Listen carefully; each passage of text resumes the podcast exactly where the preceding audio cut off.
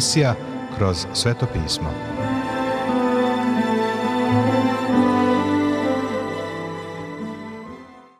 Dobroveče, poštovani slušaoci i dobrodošli u još jednu emisiju programa Kroz sveto pismo, programa koji je za vas napisao Vernon McGee, a pročitao Branko Bjelajac. Želimo vam prijetno i blagoslovljeno slušanje. Thank you.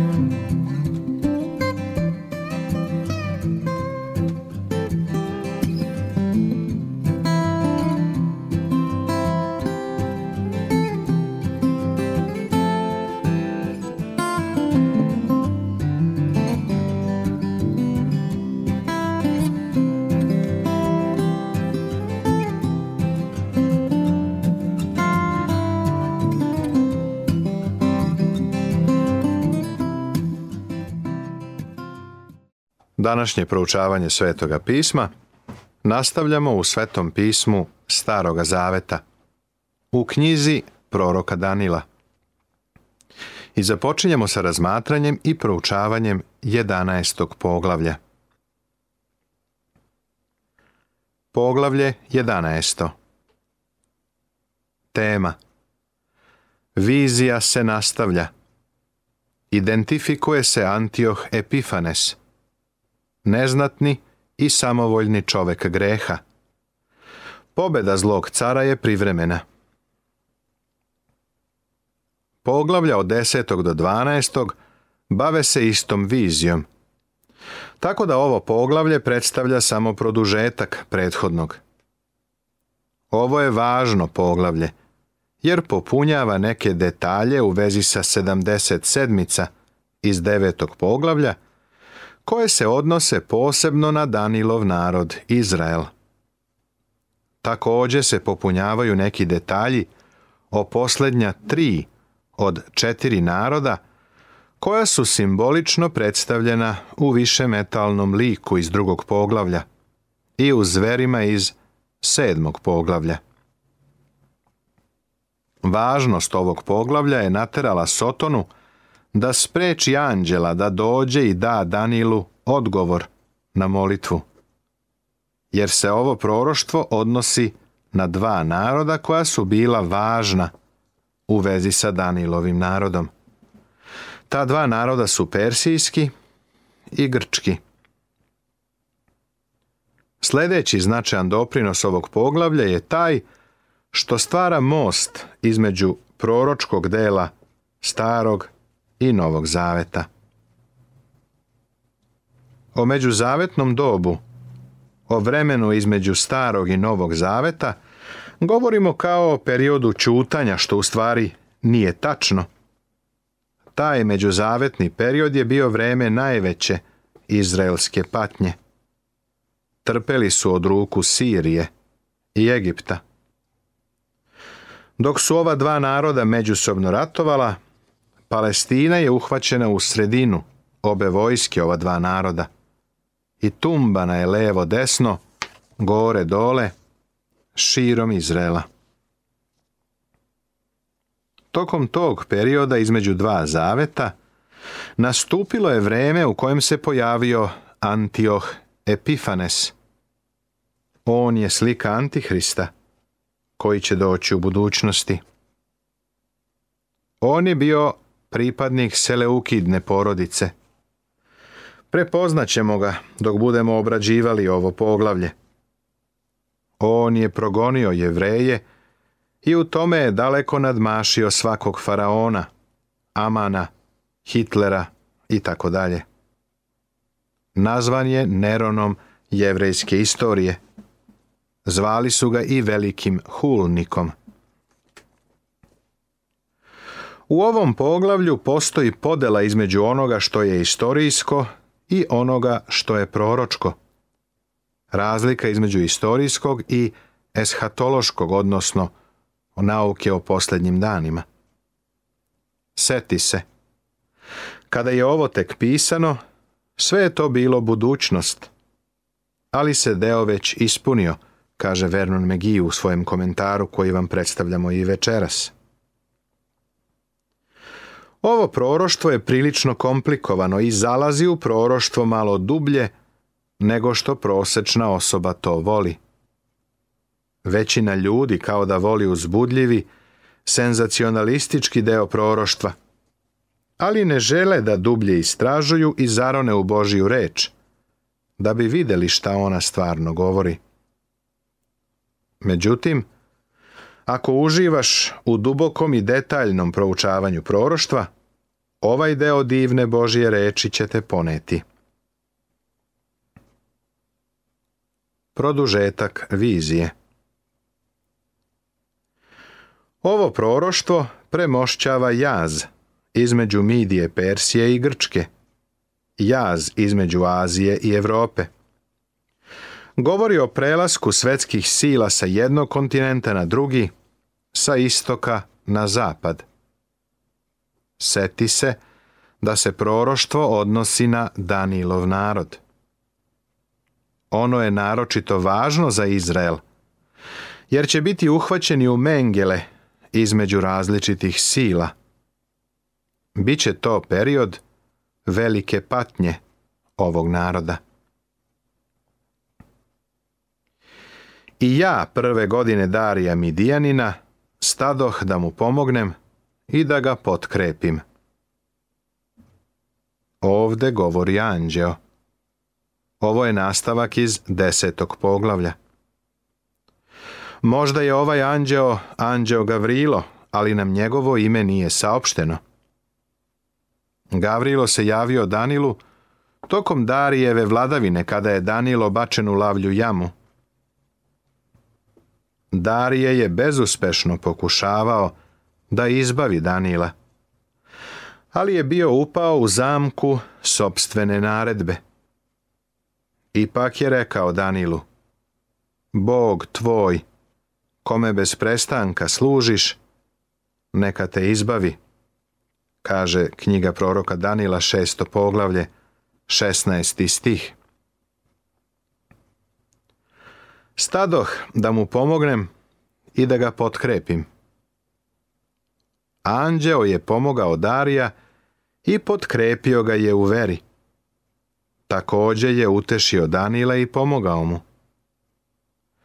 Danilo je, ako se sećaš, rekao Bog moj posla anđela svog i zatvori usta lavovima.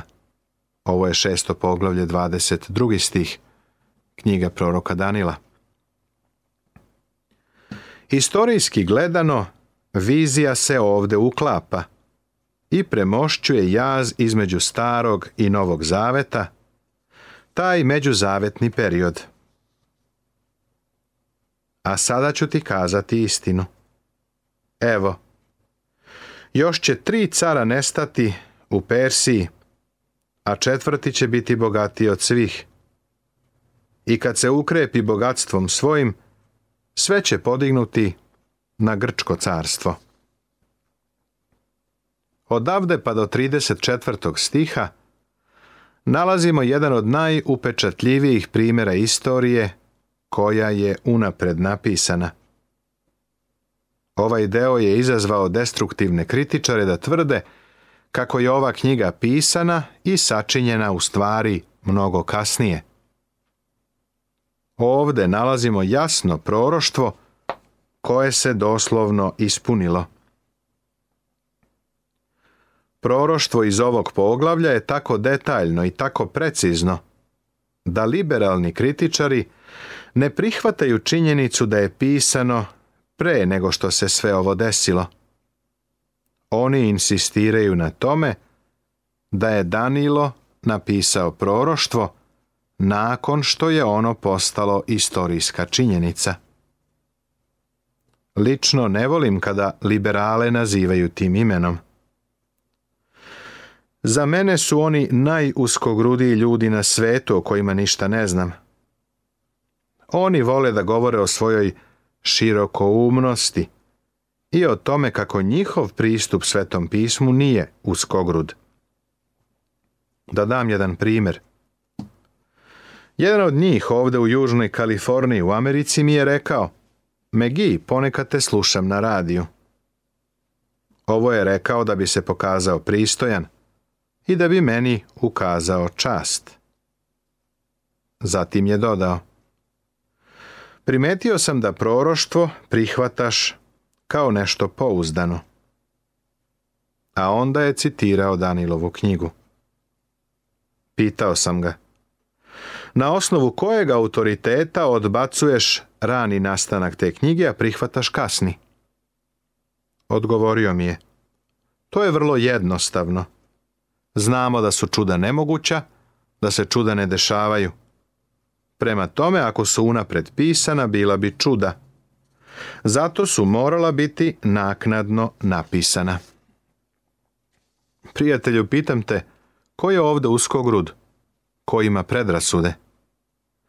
Poglavlje koje se nalazi pred nama jedno je od najizvanrednijih delova unapred napisane istorije u Božjoj reči. Konzervativni komentatori mogu da održe stav o ranom datumu nastanka Danilove knjige. To znači da u rukama držiš čudo. Kada je anđeo dao Danilu ove informacije, Znao je da Danilo neće poživeti toliko da vidi njihovo ispunjenje. Ovo je bilo zabeleženo da bi se narod utešio i ohrabrio. Narod Božiji, koji će u tom vremenu proći kroz nevolju koja je opisana. Ovo je zapisano i radi svih ostalih naraštaja, kao svedočanstvo da Bog na početku poznaje kraj. Anđeo mu je rekao da će nastati četiri znamenita cara nakon Kira Persijskog. Mislim da danas možemo da ih prepoznamo po imenu. Prvi je bio Kambises, 529. godine pre Hrista. Onda je bio Pseudosmerdis, 522. godine pre Hrista, Treći dar je Histaspis 521. godine pre Hrista i Xerx koji je napao Grčku 480. godine pre Hrista. Bio je poražen, a Mido-Persijsko carstvo nikada više nije pokušalo da osvoji dominaciju nad svetom. Nekako verujem da je Xerx Asvir iz knjige o Jestiri. Bio je veoma bogat, kao što proroštvo kaže da će biti. Potom će nastati silan car i vlada će velikom državom i radit će šta hoće. Silan car je ovde Aleksandar Veliki, koji je došao na vlast 335. godine pre Hrista i zavladao Makedonskim carstvom. Oborio je Persiju i preuzeo svetsku dominaciju. A kako nestane? Rasuće se carstvo njegovo i razdelit će se u četiri vetra nebeska. Ne među natražje njegovo niti svlašću s kojom je on vladao. Jer će se carstvo njegovo ukinuti i dopasti drugima, a ne njima. Aleksandar Veliki je bio svetski vladar i verovatno najveći vojni strateg koje je svet ikada imao, ali je umro kao alkoholičar 323. godine pre Hrista. Njegovo potomstvo nije nasledilo njegovo ogromno carstvo. Četiri njegova generala su podelila carstvo po geografskim oblastima – a svakom od oblasti je vladao po jedan od njih. Podela je bila otprilike ovakva. Kasander je zauzeo Makedoniju. Lisimah je uzeo Malu Aziju, to je današnja Turska. Seleuk Nikator je uzeo Siriju i preostali deo Srednjeg istoka, a Ptolomej je uzeo Egipat. Sve četiri porodice su same od sebe izgledele. Na kraju su izgubili carstva, kada su Rimljani krenuli na istok. I car Južni osiliće, i jedan od knezova njegovih, i bit će silniji od njega i vladaće i država će njegova biti velika. Car Južni Južno u odnosu na šta? U Bibliji se pravci određuju u odnosu na Palestinu kao centar zemlje. Car Južni nije car južno od Los Anđelesa, Pariza, Londona. To je car južno od Izraela, pa bi to mogao da bude egipatski car. Ovaj južni car će biti jedan od Ptolomejevića ili Ptolomeja. i posle nekoliko godina oni će se oprijateljiti. I kći južnog cara doći će k caru severnom da učini pogodbu. Ali ona neće sačuvati sile mišici, niti će se on održati mišicom svojom, nego će biti predana i ona i oni koji je dovedu i sin njen i onaj koji joj bude pomagao u to vreme car Severni, se odnosi na lozu Seleuka. Ovaj stih nas uvodi u otprilike 250. godinu pre Hrista. Iako se istoričari ne slažu u nekim detaljima, zabeležili su neke manipulacije koje su se odvijale na tadašnjem dvoru, čime se proroštvo precizno ispunjava. Da bi se sklopio savez između ove dve zaračene porodice, Ptolomej Filadelfus je svoju kćer Bereniku dao za ženu Antiohu Teosu iz Sirije. Antioh je već bio oženjen Laodikom od koje se onda razveo. Posle dve godine Ptolomej je umro, pa je Antioh uklonio Bereniku sa njenim sinom i vratio prvu ženu Laodiku. Ona je za uzvrat otrovala Antioha i naredila da se pogube Berenika i njen sin. Laodika je svog pokvarenog sina Seuluka Kalinikusa postavila na tron. Bio je to čudan čin, a nije je zanimljivo kako je to pokriveno Danilovim proroštvom. Potom će od izdanka iz korena njenog nastati jedan na mesto njegovo, koji će doći s vojskom svojom i udariti na gradove cara Severnog i bit će ih i osvojit će ih. Ovo je bio Ptolomeij Eurgetes, Berenikin brat, koji je sa vojskom došao i porobio Siriju. Osvojio je Luku koja je u to vreme bila antiohijska i bogove će njihove i knezove njihove sa zakladama njihovim dragocenim, zlatnim i srebrnim odneti u ropstvo u Misir i ostaće nekoliko godina jači od cara Severnog. I tako će car Južni doći u svoje carstvo i vratit će se u svoju zemlju. Postoji zapis da je Ptolomej Eurgetes zauzeo Egipat i da je zaplenio 4000 talanata zlata – 40.000 talanata srebra, 2.500 idola. Vidiš li kako se sveto pismo doslovno ispunilo? Ali će sinovi njegovi zaratiti i skupit će veliku vojsku. I jedan će doći iznenada i poplaviti i proći. I vrativši se ratova će do grada njegovog Tada će se razljutiti car južni i izaći će i ratovaće s njim, s carem severnim, i podignuće veliku vojsku, te će mu biti data u ruke vojska. I kad razbije vojsku, poneće se srce njegovo i pobiće hiljade, ali se neće ukrepiti. Jer će car severni opet dignuti vojsku veću od prve, i posle nekoliko godina doći će s velikom vojskom i s velikim blagom. Između Egipta i Sirije stalno se vodio rat. Bez zalaženja u detalje dozvoli da kažem da je izgledalo kako Izrael tokom ovog perioda stalno ponavlja greške i pravi pogrešne izbore, pa se tako našao prvo porobljen od strane jednog, pa onda i drugog carstva.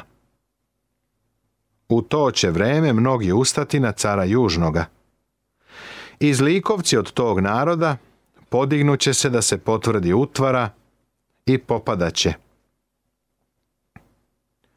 U to vreme su mnogi Izraelci bili pogubljeni. Na sebe su navukli neizrecivu patnju od strane oba cara.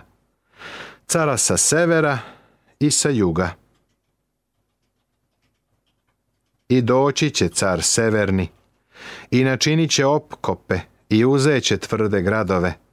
I mišice južnog cara neće odoleti ni izabrani narod njegov, niti će biti sile da se opre. I onaj došav nanj činit će šta hoće i neće biti nikoga da mu se opre. I zaustavit će se u krasnoj zemlji koju će potrati svojom rukom zaustavit će se u krasnoj zemlji. Sada znamo zašto je ovo zabeleženo i dato Danilu.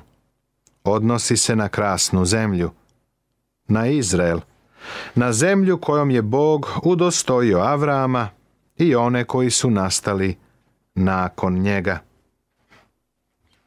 Ova dva stiha prorokuju o stvarima koje istorija sada već beleži kao pobedu Antioha Velikog nad Egiptom. Bila je to varljiva pobeda koja je dovela do toga da je Izrael neizmerno patio. Preći ću preko nekih izveštaja svetovne istorije ovog doba. Ako si zainteresovan za detalje, predlažem ti da pogledaš neku od biblijskih enciklopedija, kao i da pročitaš svetovnu istoriju koja se bavi ovim vremenskim periodom – videćeš da se Danilovo proroštvo na čudesan način ispunilo.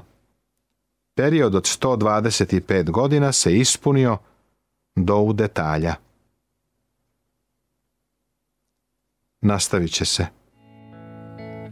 Ja pesmu pevam ti, ali to nije sve. Ti želiš mnogo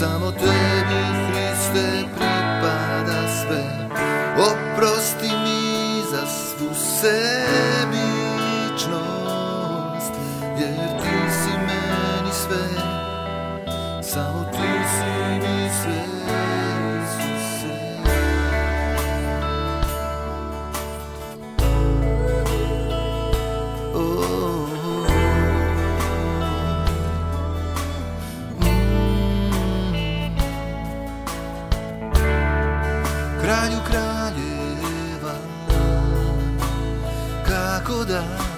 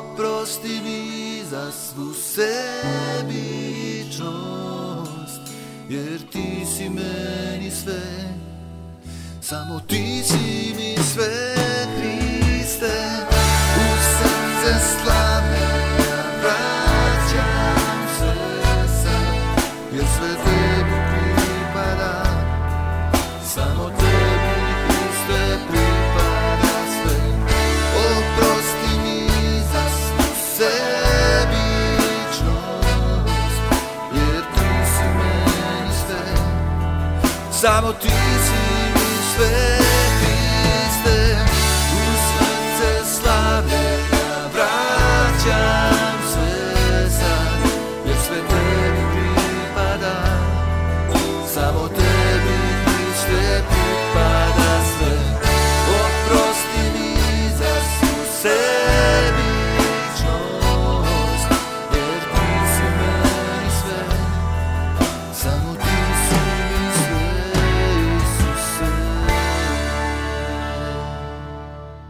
Poštovani slušaoci, završena je još jedna emisija iz serijala Kroz sveto pismo. Ovaj program možete da slušate svakog radnog dana na talasnoj dužini od 1548 kHz u vremenu od 22 sata do 22 sata i 30 minuta. Ukoliko želite da nam se javite, da nas pohvalite ili pokudite, da nam predložite izmene kojima bismo mogli da poboljšamo naš program, ali i da vas nagradimo kakvom dobrom hrišćanskom knjigom, Novim Zavetom ili celom Biblijom. Na raspolaganju su vam telefon, elektronska pošta ili obična pošta. Broj našeg telefona je plus 381 062 396 331. Adresa redakcije glasi Poruke, Poštanski fah 37 11060 Beograd. Elektronskom poštom nas možete kontaktirati na kroz at gmail.com. Takođe, pripremili smo vam i web stranicu na kojoj možete pronaći sve naše programe. Adresa web stranice je www.twr.com